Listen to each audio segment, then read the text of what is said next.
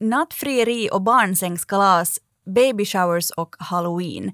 Festtraditioner förändras och utvecklas, men varför firar vi just som vi gör i Svenskfinland? Det här är Vetskap, en podd om färsk forskning. Vetskap produceras av Svenska litteratursällskapet i Finland i samarbete med Huvudstadsbladet. Och jag som leder samtalet heter Hanna Nordensvan och är journalist.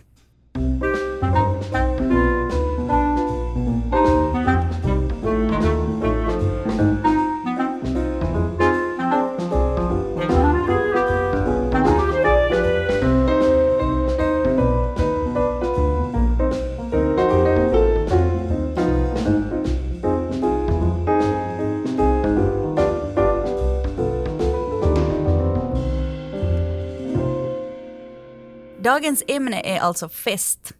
Med är forskarna och folkloristerna Anne Bergman och Carola Ekrem som tillsammans har skrivit boken Finlands svenska festseder. Och nu får ni börja med att berätta vad ni har, vilka delområden har ni fokuserat på i den här eh, boken, bägge två? Om du fast Anne börjar. Ja, den här boken består ju av två delar. Eh, dels almanackans fester, det vill säga de fester som, som man firar under året och dels eh, livets fester, de, de som hör till, eh, till människans liv. Och jag har då skrivit om, om de fester som, som hör till almanackan, de som, som återkommer under året. Precis, som till exempel jul och påsk. Just det. Så, ja, som vi måste fira för det står i almanackan.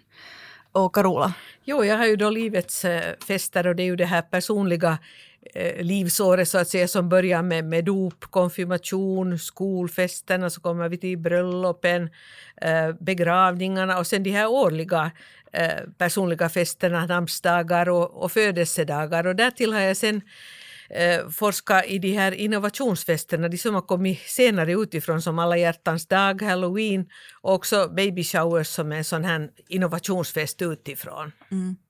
Ja, och alltså den här boken som ni har skrivit, det är en tegelsten måste jag säga och varje liten fest eller tradition man kanske någon gång har hört talas om så finns helt säkert i den. Hur kommer det sig att vi har kvar så här mycket information om alla möjliga seder från hur långt tillbaka som helst? Ja, det, det ju, hänger ihop med traditionsforskningens och insamlingens historia som ju är på 1800-talets sida. Och den togs över småningom av Svenska litteratursällskapet nästan helt i Svenskfinland. Och man gjorde upp ett ganska ambitiöst insamlingsprogram. Främst var det nu visor och, sagor och sägner, det här folkloristiska man var intresserad av, men också sederna kom med. Och man frågade man gjorde fältarbeten, for runt i, i, i bygderna och samla in kunskap kring det här och, och, och fest, årets och livets fester likaså.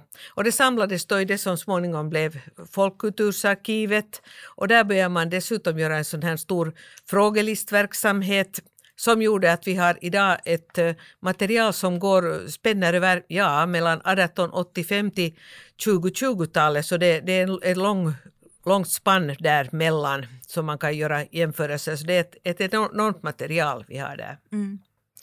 Varför, varför är det viktigt att det här materialet finns? För jag antar eftersom ni har skrivit en bok om det att ni tycker att det är viktigt. Vi har verkligen lusläst uh, Folkkultursarkivets och Svenska litteratursällskapets material. Men det som är speciellt med den här boken är att, att vi faktiskt har tagit med alla samhällsklasser och också använt mycket annat material de finskspråkiga böcker som har skrivits om årets fester så de handlar i allmänhet uttryckligen just precis om, om folkkulturen och man har inte tagit den borgerliga eh, traditionen med. Men, men det har vi gjort. Vi har, vi har tagit alla, alla samhällsklasser och alla tider och, och alla miljöer och absolut hela samhället med i den här boken. Mm. Men alltså varför är det viktigt att det finns en bok om det här? Varför, varför är det viktigt för oss alla om ni tycker det, att, att på något sätt ta del av sådana här gamla traditioner? No, det här är ju inte bara gamla traditioner utan vi går ju som Carola sa ända fram till, till eh, 2019 när, när vi satte sista punkten och, och komma i den här boken. Så vi går till, så långt tillbaka i, i tiden som det finns material så går vi fram till, till vår egen tid. Och vi har ju också själva under den tid Eh, Eh, som vi har jobbat vid, vid Folkkultursarkivet. Vi har båda två varit där i närmare ja, 40 år. Och, och, vi har under hela den tiden också samlat in material. Så, så, så vi har verkligen alla tider med. Det är ju ett material som säger mycket om, om oss som, som personer och som folkgrupp och det är någonting som, som har varit viktigt också på arkiven därför för att medierna har varit intresserade av det här och har sett den här, den här förändringen och har velat ha en, en bakgrund till det hela så det har, det har varit ett eh, angeläget område inom, inom just arkivets eh, insamling också. Man kan ju tycka med den här boken att, att hade nu inte skrivits tillräckligt mycket om, om festseder redan att det, det, finns ju på, på nätet hur mycket som helst och det är bara att slå upp i Wikipedia och det finns böcker hur, hur många som helst. Men, men faktum är att det finns ju ingen bok, inte i Finland och inte i hela Norden, där både då årets och livets högtider behandlas så, så noga och så ingående som, som i den här boken. Och, och vi har också ett, ett ganska mycket annorlunda grepp än, än de flesta andra böcker som har skrivits i de här ämnena på det viset att, att man har ofta försökt, sökt mest, för det första så har man bara tagit fasta på folkkulturen och, och sen har man sökt ursprung medan vi då har, har satt in de här festerna i, liksom i, i, i samhällsutvecklingen och, och försöka, försökt förklara dem i sitt, mm. i sitt samhälleliga sammanhang.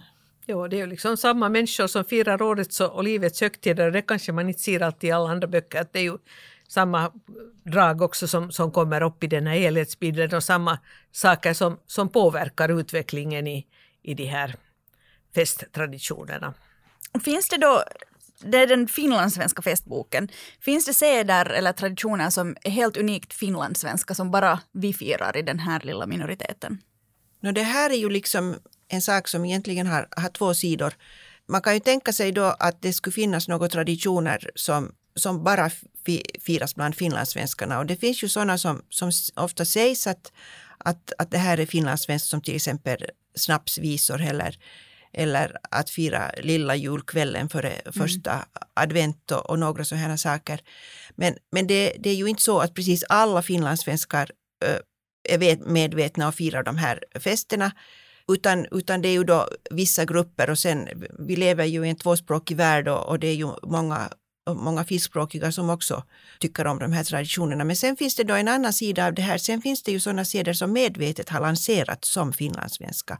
Och, och där är det till exempel uh, svenska dagen och alldeles speciellt Lucia mm. som, som har lanserats medvetet att bli en finlandssvensk tradition och, och, och därför uppfattas som en som det att om, om den här lanseringen inte skulle ha skett så skulle den alldeles, Lucia alldeles säkert firas precis lika mycket bland, bland finskspråkiga och inte alls vara något speciellt finlandssvenskt. Vem är det som lanserade alltså? Eh, det var Folkhälsan och först föreningen Brage och sen, sen Folkhälsan och Hufvudstadsbladet.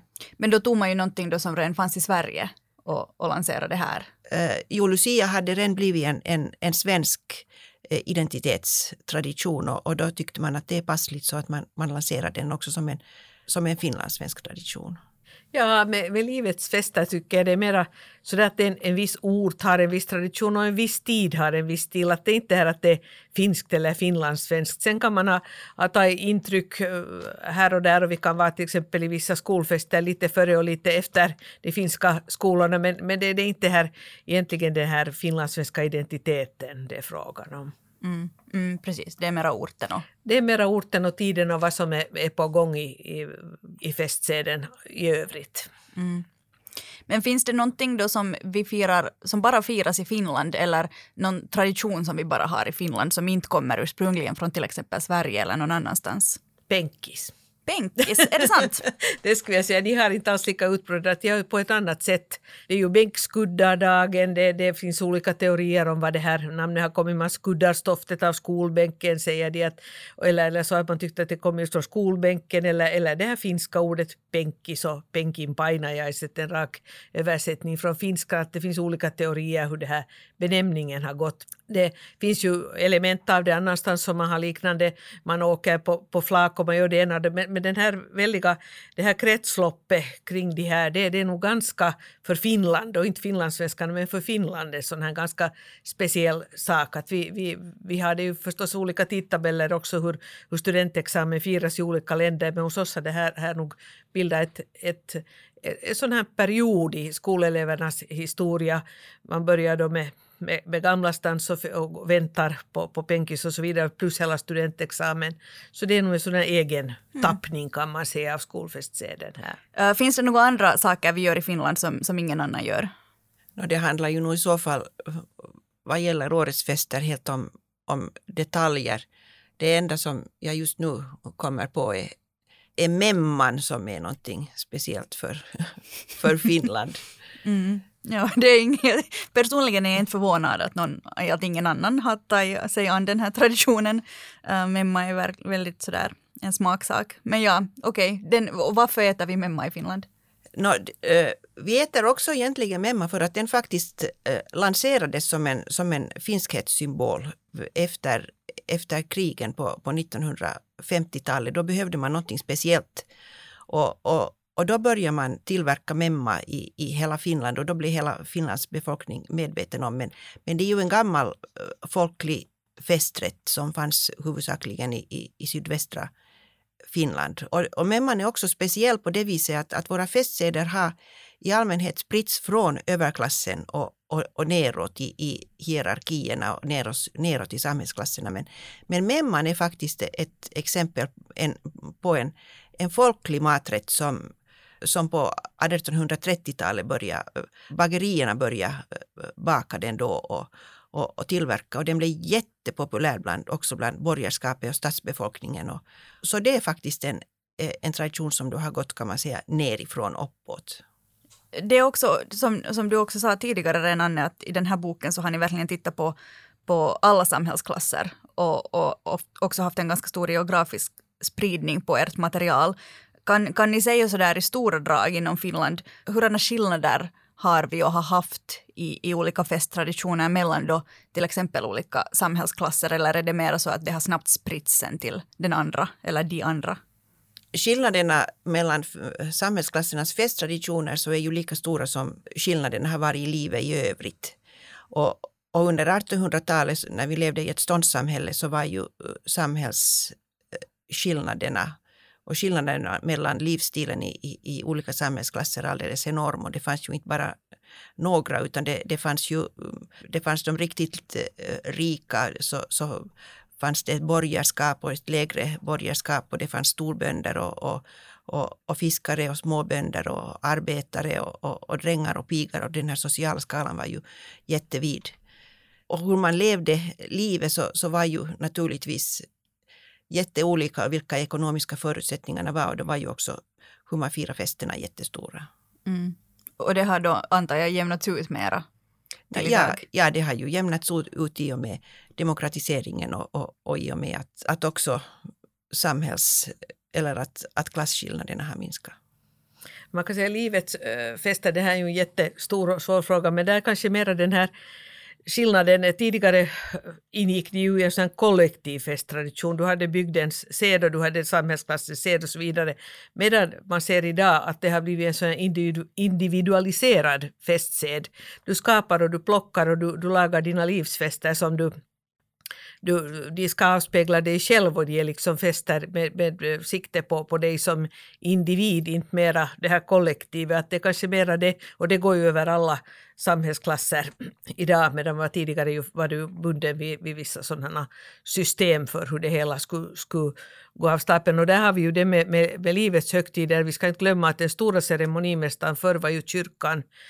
Och, och det har ju först idag, där var alla de här ceremonierna var styrda eller reglerade av, av de kyrkliga helt enkelt tillställningarna medan man idag har fått en sån här parallellsed av de här sekulära traditionerna. Så där har det, det ju förändrats naturligtvis. Vad, vad är exempel på en sekulär tradition? En sekulär tradition till exempel du har dopet, det, det kristliga dopet, men du kan ha en namngivningsfest som är då det. Och, och konfirmationerna har du konfirmationslägren och så vidare så har du Prometheuslägren var man lär ut en sån här en eh, tänker på, på eh, livsfilosofier i, i det här eh, tonårsskedet på ett, på ett annat sätt men att det också ungdomarna kommer ihop och, eh, samman och kan diskutera livsfrågor. Och förstås sen bröllopen har ju kunnat vara alltid både borgerliga eller, eller mm, vad heter det då, då i kyrkan. Och så har vi ju ännu, ännu begravningsseden, vad man nu har det här med, med minnesfester som inte har med kyrkan att göra, vad man liksom ska skapa själv den här traditionen kring det hela och ritualerna kring det. De bjöd ju kyrkan på direkt den biten av, av saken förr, men nu ska man då själv skapa en, en ritual, så det är nytt. Om vi lite tar isär de här olika sakerna om hur, alltså, hur en tradition överhuvudtaget uppkommer en festtradition. Nu har ni nämnt, då, du sa ju, pratade om, om kyrkan Carola också tidigare om att, att samhället i stort på något sätt, hur, hur samhället utvecklas påverkar också våra traditioner. Men också att, att till exempel Folkhälsan säger att ja, men nu är det här en tradition också här i Finland för finlandssvenskar som är Lucia. Hur uppkommer alltså en festsed då? Man har ju i, i forskningen väldigt länge sökt ursprung till olika traditioner. Det är det som egentligen har, har varit eh, grunden och meningen med, med hela festforskningen, att man, man ska hitta ett, ett ursprung och en början till en tradition. Men, men det har man ju nu inom, inom festforskningen för ganska länge sedan övergett och tycker inte alls att det är intressant något mera utan, utan det är förändringen och hur, hur traditioner anpassas och vad de betyder för människor Eh, hur de eh, speglar värderingar, hur de speglar vardagen, hur de är en, en del av, av människors liv. Och, och det, det, är hemskt svårt att, att säga att, att här har det uppstått en ny tradition, för alla traditioner är ändå no, sammansättningar av, av, av någonting som har funnits. Och traditioner förändras ju hela tiden. Det är ju det som, det som hör till en, en tradition som inte förändras kommer att, att försvinna och dö. Så att förändringen är, och, och nyskapande är mycket viktigare än, än det att det upprepas. Så kan du säga någonting ja, om jag hur tänker på mina, mina innovationsfester, för där kan man nog till exempel säga att när blev alla hjärtans dag en, en, tradition i Finland? Man kan säga att det var våren 1984 eh, när Stockman lagade ett fint eh, festfönster, för det hade ju liksom ingen ingen bakgrund här i, i Finland den, den festen. Det, var en, en, det skulle ha sina ekonomiska förespråkare, det skulle vara någon som började saluföra den här rekvisitan och kunskapen om att det finns en sån här internationell eh, kärleksfesttradition kring alla hjärtans dag. Och, och det slog ju ganska snart igenom. Och sen en annan fest som ju också kom utifrån men som inte, inte så lever i ett, ett vakuum det är ju Halloween. Men den har ju sin motpunkt eh, eller sin grund också i vårt eh, allhelgonafirande och på finska ännu mer i den här kekri-traditionen och hur de döda, dödas eh, vandringar eh, just i, i allhelgonatiden i början av, av november. Eh, men för att sådana fester ska slå igenom i den här nya formen behöver man just de här, de här ekonomiska förespråkarna och på något sätt det finns ett litet vakuum i festår eller någonting vad man är, är glad att, att ställa till med någonting. En karneval i höstmörkret som halloween blev, den blev i, i Finland blev det också i hela Norden mera en barnseden eh, vad den är ute i, i, i världen. Och, och, alla hjärtans dag, det, det, tog först en sån här vänskapsprägel, fick den här i Finland, vi var mer så försiktiga, men nu har det ju börjat bli en kärleksfest det också. Man ser att folk går på restaurang, det är rosrusning på alla hjärtans dag och så vidare. Sådana innovationsfester, antingen så tas de inte in alls eller så, så på något sätt förändras de också enligt det här landets tradition. Så det finns mm. olika av det här. Jag tror att sådär vi lekmän, om jag nu får representera oss, ofta tänker om man tänker på olika traditioner och var de kommer ifrån, att det är just antingen är den här på något sätt kapitalistiska grejen att något företag har bestämt att nu vill vi sälja något tema, saker, eller sen är det att vi, man föreställer sig att att sådana här traditioner har alltid funnits och sen har de förändrats till exempel då med kristendomen. Att, att jag har hört sådana saker om att midsommar skulle firas på en massa olika sätt innan kyrkan kom och, och, och, liksom, och julen också, att man skulle ha haft någon sorts ljusfest innan eh, kristendomen bestämde att nu firar vi Jesu födelse. Men efter att ha pratat med er och, och bläddrat i den här boken så har jag ändå förstått att det är fel.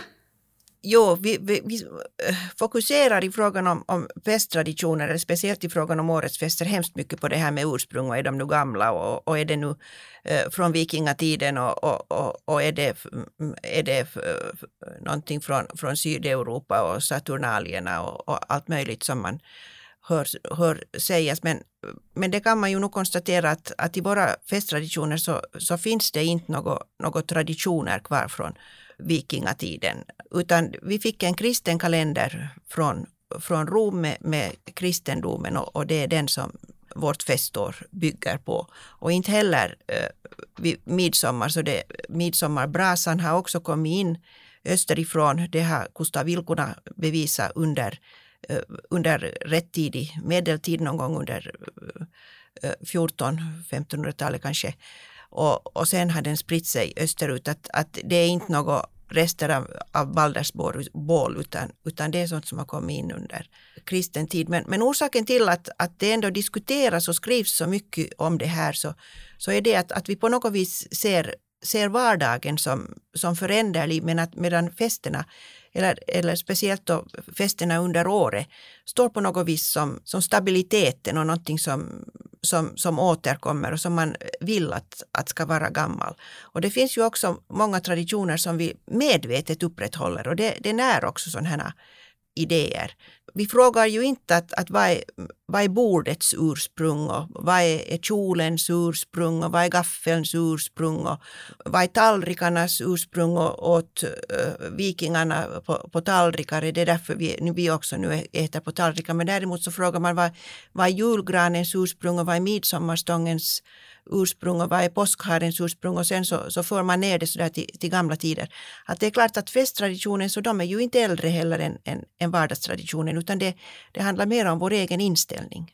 Ja, med livets fester har inte alls det här barlasten med det här vansinniga sökandet av den här eh, forntida bakgrunden.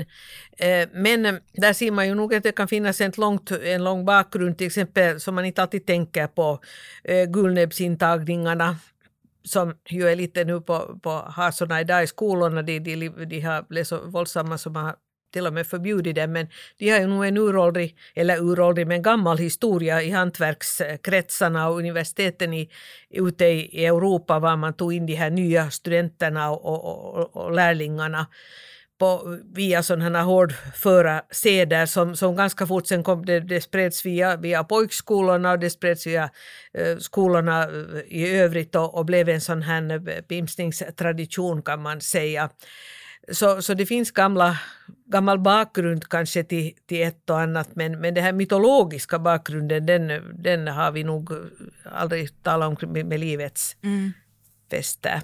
Men det är just, tror jag, som du sa Anne, att, att vi vill söka någonting som på något sätt är, när livet är föränderligt så vill man hålla fast vid någonting så stabilt och att redan våra förfäder har gjort de här samma sakerna och det finns någonting lite romantiskt i det. Och trots att du nu sa att ni forskare, festforskare inte vill fokusera på det här, var saker kommer ifrån, men jag måste kanske ändå fråga vad, om, vad, är, liksom, vad är den äldsta festseden som vi håller på med som ni vet om? Jag har intresserat mig i 40 år för livet. För, för, för, för, ja, för, för jul, intresserat mig i 40 år för julen. Och fundera också på det här att, att finns det verkligen, finns det något, något gamla traditioner som, som, som har hållit sig? Och det finns det faktiskt. Det att ge gåvor och presenter åt fullkomligt okända människor. Alltså syssla med välgörenhet. Så, så det, är en, det är nog den äldsta jultradition som, som vi har och den har, förä, den, den har egentligen förändrat sig ganska lite. Redan, så, redan i första tiden när kyrkan kom så visserligen det var lite sådär en skyldighet att, att ge åt de fattiga men, men, men det fanns det här att, att vid jultiden så skulle man visa barmhärtighet och man skulle ge gåvor och ge av sitt överflöd åt dem som har det sämre.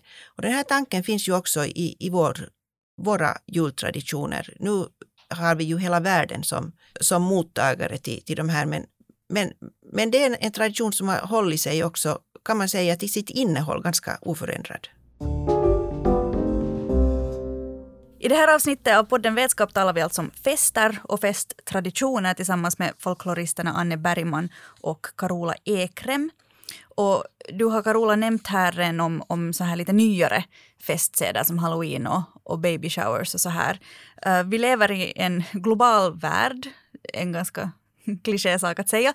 Men, men information och människor sprids på ett helt annat sätt än, än förut och det är på något sätt lättare att kanske införa nya traditioner för att man kanske redan har hört om dem eller sett dem pågå någon, någon annanstans. Kan du prata lite om hur sådana här traditioner liksom vandrar och sprids från andra länder till exempel? Det, där, det som ju är väldigt centralt i all den här livets fester blocket, det är ju det här att med, förr eh, så ingick ju i det här en, ett stort block av de här övertron och, eh, och en massa magiska konster. Och man är inte säker på hur mycket folk trodde på den förr, men, men de liksom existerar hela tiden och de är dokumenterade och de, de pinar folk på något sätt fast de inte kanske riktigt trodde på det. Och det har ju i, i dagens värld har man ju en väldig kunskap också om sånt på, på internet och så vidare, hur det har varit i alla, alla möjliga länder och man kan liksom plocka av de här och de plockas också ganska mycket i, i underhållningssyfte helt enkelt i olika till bröllop och så vidare. Och då, då, den vägen så kan man idag aktivt söka också efter sånt här. För att få den här perfekta, roliga, personliga festen så kan man plocka in drag från vilken kultur som helst kan man säga idag. Men kommer de någon annanstans ifrån än USA? Det känns som att alla de här stora kommer från USA. Ja, vad ska man säga om det? Alltså nej då, om vi nu tänker så, no, det här riktigt, det som verkligen på riktigt kom, så det har vi till exempel födelsedagsfirande, det kom ju från, från kungligheterna i, eh, många av de här dragen kom ju till stadskulturerna i, i, i Norden via, de här, via kontinenten helt enkelt, för att man tog intryck av, av de här kungliga festligheterna. Det stod ju massor i tidningarna. Till och med här i våra finla, eh, finska eh, tidningar stod det ju om hur, hur drottning Victoria firade fira födelsedag i mikrodetalj, så det visste man. Och den vägen så, så vandrar ju de här och så har man sett hur det kom, kom över också via, via Sverige, just mycket de här fest eh, eh, födelsedagsfirandet i vår stadskultur och så vidare. Så nu har det vandrat lite, lite härifrån och därifrån. Och sen finns det ju festseder, festseder kan man inte kalla det, men första april som man ju inte riktigt vet ens, det är ett sådant sammelsurium av hur det förekommer och inte förekommer ute i, i världen. Men, men eh, hos oss är det ju en väldigt ung tradition så det har man också tagit till sig via det här att tidningarna börjar skriva om aprilskämt ute i världen och, och beskrev den här traditionen kring det här med, med där är just en sån här, man går tillbaka till alla Saturnalier och hulifester i Indien och hela vägen. Så nu har jag trasslat in mig, liksom, det är lika tilltrasslat som det här, din fråga är. Men jo, det, det liksom vandrar och det kommer och i dagens värld med livets fester så plockar du och du har ett stort smörgåsbord att plocka av. Mm. Ja, är det mera just så att man då liksom syr sin egen fest av, av vad man är sugen på? Du tänker efter väldigt mycket. Du måste liksom skapa själv för du måste liksom ha den här helheten och det är ju en stor produkt idag. Det går inte att sådär som jag ställde till med bondbröllop förr, då var det, det kom de här experterna, det kom brudsätan och, och, och det kom, eh, kom de här kockarna och ordna och man visste precis hur det var. Spelmännen hade helt eh, repertoaren för vad de skulle spela, hur man, hur man, hur man dansade i vilken, vilken eh, ordning och vilken dag det var, vilket, vilket program när det var högtidligt och när busarna fick komma och snyltgästerna fick komma. Varje ort hade ju sin egen sed och det var det man ville, ville skulle följa om det skulle anses vara ett bra bröllop. Men idag skulle du ju vara speciell. Du ska helst vara att alla säger att okej, okay, det här var liksom någonting som vi inte har sett förr. Och det där eh, skulle jag säga att är idag ganska genomgående nog i, i festsederna. Sen har vi begravningsseden, vad jag tycker är spännande, det här att man, den blev så i och med att döden och alla de, de processerna för, förflyttades till sjukhusen så föll ju hela det här nära eh, kontakten till livets slutskede bort. Du, du vad heter det, tvättade inte liket, du, du lade inte i kistan, du sjöng inte ut, du gjorde inte allt det här som hörde till. Utan idag så kommer vi till kyrkan och, och begravningskapellet och där är det.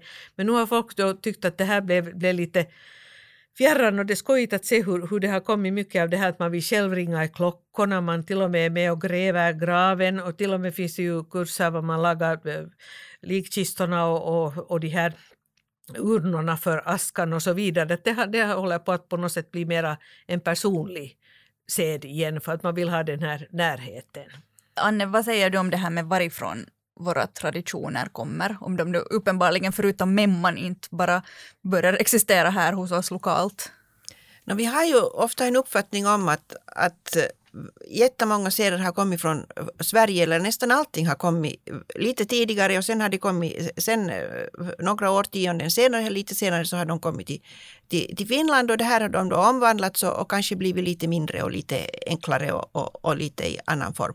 Men om man ser på festtraditionen eh, under under 1800-talet så det allra mesta så fick vi då från Tyskland och under storfurstendömens tid så fick vi massor av traditioner från, från Ryssland, speciellt från Sankt Petersburg. Till exempel fastlagen blev ju en, blev redan på eh, så tidigt som på 1820-30-talet en, en jättestor karneval i Helsingfors så stor att den kallades ryska karnevalen och det var berg och dalbanor och det var springande och det var restauranger och det var blinier och det var mm, eh, slädpartier och, och, och, och det var karnevaltåg med upp till 50 ekipage. Det var alldeles enorma saker. Som sen så, så småningom försvann så fastlagen firades jättemycket mera i Helsingfors än i Stockholm. Och vi fick också Eh, de allra flesta, eller vi, vi påverkades naturligtvis av Sverige men jättemycket fick vi från Tyskland och det betydde att traditionerna ibland kom tidigare, ibland kom, kom senare till Finland och att det blev annorlunda traditioner. Det kan vi se till exempel i, i julgubbstraditionen. Så i, I frågan om, om julgubbstraditionen så skiljer de sig ju i, i, mellan Finland och Sverige och det beror på att vi fick våra traditioner från, eh, från Tyskland. De här jordgubbstraditionerna fick vi från Tyskland och så hade vi också våra egna inhemska eh, tiggande pälsklädda julbockar som, som också hade blivit julklappsunderhållare och, och, och julklappsutdelare. Men, medan man då i Sverige hade en annan utveckling och så småningom så fick vi också den svenska tomten hit men då fanns här redan den här julklappsutdelaren så att, att här, äh, svenska tomten blev då en annan figur än i Sverige. Det blev en sån här, en sån här äh, liten hjälpreda till, till julgubben. Och de här historiska eh, förvecklingarna då som är ganska invecklade men, men det har ju då det till följd att det fortfarande idag så talar vi i Finland om, om julgubbe och julbock medan man i, i Sverige säger att det är tomten som kommer med julklapparna. Och sen, sen byggdes de här då på båda två från, från Amerika och vi fick ju då våra traditioner direkt från Amerika och inte alls via Sverige. Och det gjorde också att, att de då blev lite, lite annorlunda att, att det är inte så där enkelt och, och, och entydigt att allting kommer först till Sverige och sen kommer de hit, utan, utan det har ju kommit in från hela världen, också till Finland. Mm.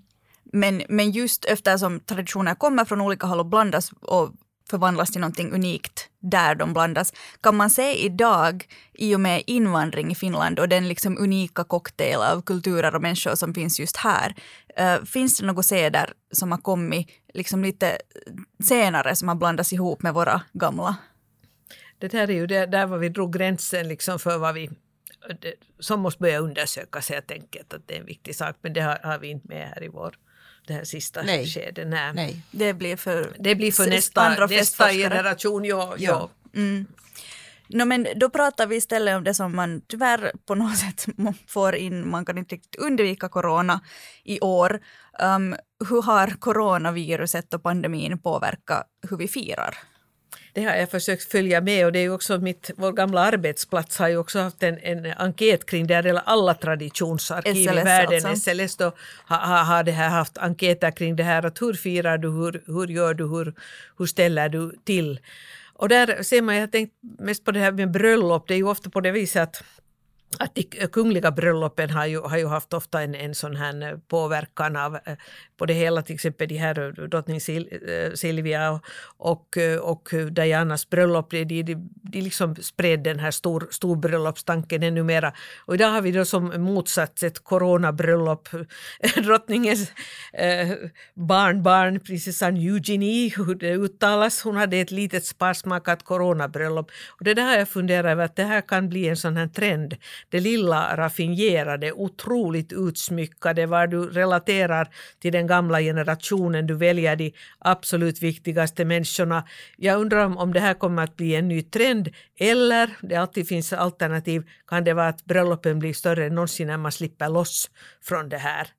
Och sen har det varit den här andra dystra Eh, svåra saken som man ju inte kan skjuta upp begravningarna nu. Och där har man sett på nätet ganska mycket intressanta sätt hur man då har, har de som måste vara på distans har, har det där deltagit och, och fira och festa och man har liksom lagat ett, en, en fest på två håll på det viset att här, här, har funnits hela tiden ett sådant sätt att, att finna möjligheter. De festerna har definitivt inte av, avtagit och det blir spännande att se nu hur, hur hela den här julsäsongen blir och det beror ju också på att hur mycket erbjuds det och hur mycket kan vi, kan, finns det att, att delta i.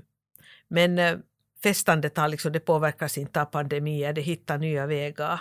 Ja, nej men precis. Det känns ju mer, snarare som att, att uh, det kommer någon sorts ny kreativitet ur sådana här hinder. Att, eller tror ni att, att vi på något sätt som människor skulle kunna låta bli att fira för att det skulle komma någon sån här, just att man måste till exempel hålla sig inomhus eller skilt?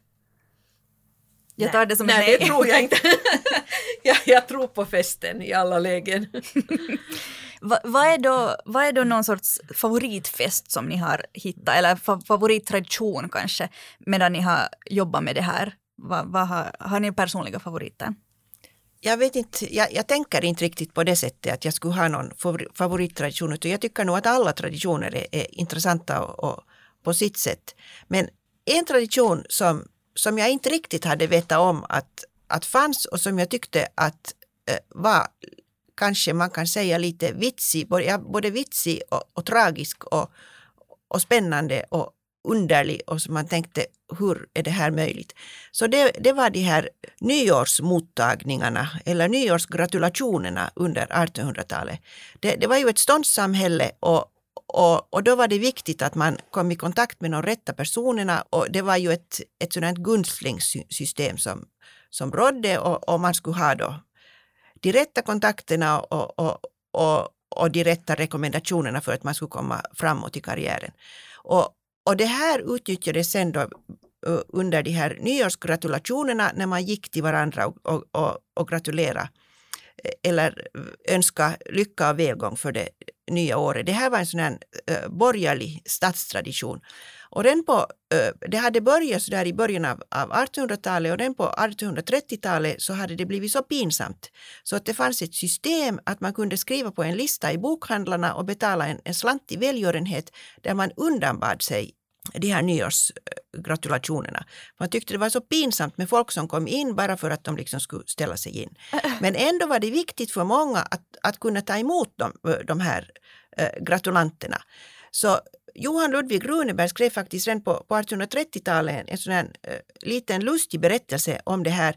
Om en man, hur han kryssar mellan det här att komma till de här rätta personerna i rätt ögonblick och hur han skulle måste vara hemma just precis då när han skulle få det som han ville att skulle komma, hur han skulle kunna mota alla de som, som han inte ville ta emot och, och hur han då inte skulle gå till dem eller till, till personer där det kunde, samtidigt kunde vara sådana som han inte ville träffa men att han skulle också eh, måste vara där när det var sådana som han ville träffa. Och, och det här var ett sådant här eh, verkligen invecklat system. Men trots att det fanns så mycket motstånd mot det här och man aktivt försökte avskaffa det så gick det inte eftersom det var det här ståndssamhället. Utan det höll på ända in på, på 1900-talet. Sen med, efter 1918 så, så förekom inte de här mera. Men, men det här var en sån här tradition som, som jag inte riktigt hade haft koll på som jag tyckte var ganska no, ja, både tragisk och vitsig. Ja, vad ska man säga? Det, kanske när man nu har läst och läst och läst och läst så just det här att man har blivit berörd av, av vissa saker och lite förvånad och så vidare. Jag tycker de här, kanske mest de här tidiga festerna i, i människans eh, ungdom skulle jag säga. Det här med nattfrierier där, där pojkarna skulle vandra runt i byarna och läste sina ramsor och knackade på dörrarna. Man ville få till, till stånd den här parbildningen under, under goda former. Det tyckte jag, det, där, där fick man se ofta goda skratt och det var lite rörande och det var påhittigt. Och sen har vi hela det här kring barnafödseln, de här, uh, dels de här barnsängskalasen, det som idag har blivit då baby showers, var, var liksom kvinnokollektivet ställde upp och, och hämtade gåvor åt varandra i enorma mängder och, och man till och med, det blev ju sådana supgillen direkt av det här och, och, och hela den biten tycker jag har varit, varit spännande. Och sen kommer det här dramatiska eh, kyrkliga i det hela eh, kyrktagningen som ju då ända fram till 1930-talet var det här var man skilde den sedliga modern från, från den modern som hade eh, inte hade någon man med i spelet och hur, hur, hur man eh, prästerskapet beredde, betedde sig där och hur, hur allt det här gick till. Att, sådana saker tycker jag har ibland nästan, nästan lite chockerande och ibland roande och, och väldigt sån mustig bakgrund i, i hur vårt liv för inte så jättelänge sedan har varit. Vad, vad pågick alltså i barnsängskalas? Barnsängskalas gick egentligen ut på att när du låg hemma så skulle, skulle kvinnorna i, i bygden då komma på, på besök och se till att du inte behövde jobba så mycket så de hämtade med sig massor av mat och det var olika orter hade olika kvoter för det där. Det var nog att det kunde ju få liksom tiotals äh, eh, sockerkakor och, och, stora ostar och, och, så satt man där då och underhöll sig, ofta bara kvinnorna och åt och drack lite och, och faktiskt eh, söp också. Det är ju så internationell kvinnosed det här som finns i alla, det är ju en sån sak som finns i alla kulturer att kvinnor kommer samman vid, vid barnsängen. Så. Men det den tappning vi har haft här tyckte jag var, var, var intressant att ta del av. Ja, och i den här boken så förstod jag också från den att, att det ingick ofta ganska mycket fe, liksom alkohol och viltfestande i den traditionen. Alkohol mer än man skulle tro vid barnsängarna i dagens värld. Så det finns sådana spännande små interiörer, små titthål in i, i historien som gör att man tänker att oho. Mm en, mina alla favorittraditioner utspelar sig kring påsken för jag tycker de är så härliga, speciellt eh, påskhäxorna och alla de här finska ramsorna finns. Och, och sen alltså sådana jag vet inte om det är liksom egna traditioner man hittar på i familjer, liksom mer lokalt. Eh, I min familj så har vi alltid hållit på med någonting som vi kallar för att värpa på påsken, där barnen ska sätta sig i en egenbyggd hög av kuddar och filtar och sen låta som en höna och sprattla med händerna tills det kommer chokladägg in i boet. Är det här någonting som ni någonsin har hört om? Jag måste bara kolla.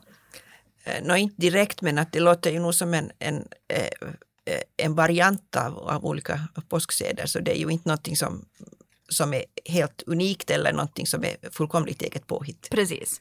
Men jag tänker det här kanske mer som en språngbräda också till att vad är, det, vad är den konstigaste traditionen ni någonsin har hört om i festsammanhang? Ja, no jag tänker inte heller på det sättet att jag tycker att någonting är, är, är konstigt. Har det mest förvånande varit då just kanske de här nattfrierierna eller, eller nyårsgratulationerna för er? Det är sånt man ju inte kände till kanske så mycket om innan man började lägga sig in i det och läsa om det. Det är inte sån allmänt känd som alla vet allt om. Att det här just, jag tyckte just det här med det här att läsa de här gamla tidningarna gav jättemycket ny vinkel. Jag trodde till exempel tidigare att silver och guldbröllop att det firades bara i överklassen, men det var, det var inte alls så. Man läser gamla tidningar ser man att det var fiskarna och och postmästarna och allihopa jordbrukarna som hade stora kalas om de nådde så hög ålder att de, de var gifta i 25 till 50 år till och med. Att det, där, det var lite spännande. Mm. Finns det då bland de här sederna någonting som vi inte mera firar som ni personligen skulle kunna se eller som ni skulle önska att vi skulle ta tillbaka? No, no en sak som, som jag inte heller riktigt hade koll på var att, att midsommarstängerna inte alls har förekommit bara vid midsommar utan, utan det var en, en stadstradition som förekom under hela sommarhalvåret. Ända från, från slutet av april till slutet av september så reste man stänger. Men man reste ju också vid många andra tillfällen feststänger som vid bröllop och, och namnsdagar och, och, och så här. Och, och, det har varit känt. Men just den här stadstraditionen eh, att man har, har, har rest sådana här feststänger helt enkelt bara för att märka ut festplatsen. Och, och till de här stängerna så hörde det alltid en, en sån här så kallad uh, lövsal. Det vill säga ett sånt här uh, uterum som var uppbyggt av, av kvistar och, och, och, och tunna trästammar. Och, och, och det här förekom så gott som vid alla parkfester i städerna och också på, eh, på landsbygden om det var några skolor eller sådär som, som firar fest. Så, och, och det är en sån här då en tradition som helt och hållet är försvunnen idag. Utan vi har, vi har våra feststänger just precis vid, vid midsommar men inte vid, vid andra tidpunkter under sommaren. Okej, okay. så mera stänger och lövsalar till fester idag. Vad säger du Carola? Ja, vad ska vi, det är ju så att om en tradition försvinner så då är det av en orsak ingen vill mera fira och det finns inte plats för det. Men jag tycker i livets fester det är ofta så att de kommer och går lite. Att det där till exempel just med eh, äh, guldnäbbsintagningarna ju på, på hasorna nu i skolorna, det vill man inte, väl inte, inte lärarna ha där, fast de lever då i, i studentvärlden. Mm, de har vissa bra sidor, de här guldnäbbsintagningarna, och man kan omforma dem på, till, till att det liksom blir en, en kamp i, i mobbningens, mot mobbningen istället så att säga. Men allt det här kommer och, och, går och jag vet inte om man nu ska sörja över det för jag tror att alla de här dragen på något mystiskt sätt hade en, en, eh, lever de ändå i medvetande så att de kan dyka upp en gång igen. Och det ser man också med de här begravningssederna. Man kan tycka det var väldigt fina de här gamla begravningarna var man tog avsked och, hade utsjungning och, och, och, och en massa smyckande hemma och så vidare. Men det har ju, den där utsjungningsseden har också kommit igen i många österbottniska försam, eh, församlingar igen och, och så vidare. Att det, de här dragen finns och, och det är för oss bara att, att iaktta vad, är, vad lever, vad, vad försvinner, vad kommer igen. Att eh, inte det sörja desto mera. I någon form är det alltid ändå fest.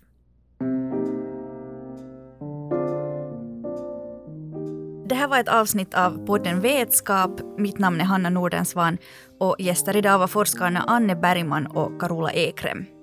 Producent för den här podden är Nina Edgren Henriksson och ansvarig redaktör är Marika McLean. För tekniken stod Tage Rönnqvist i Eva Lingon ABs studio i Helsingfors. Och Vetskap produceras av Svenska litteratursällskapet som är en av de stora forskningsfinansiärerna inom humaniora och samhällsvetenskaper i Finland och av Huvudstadsbladet, som är Finlands största dagstidning på svenska. Tack för din uppmärksamhet.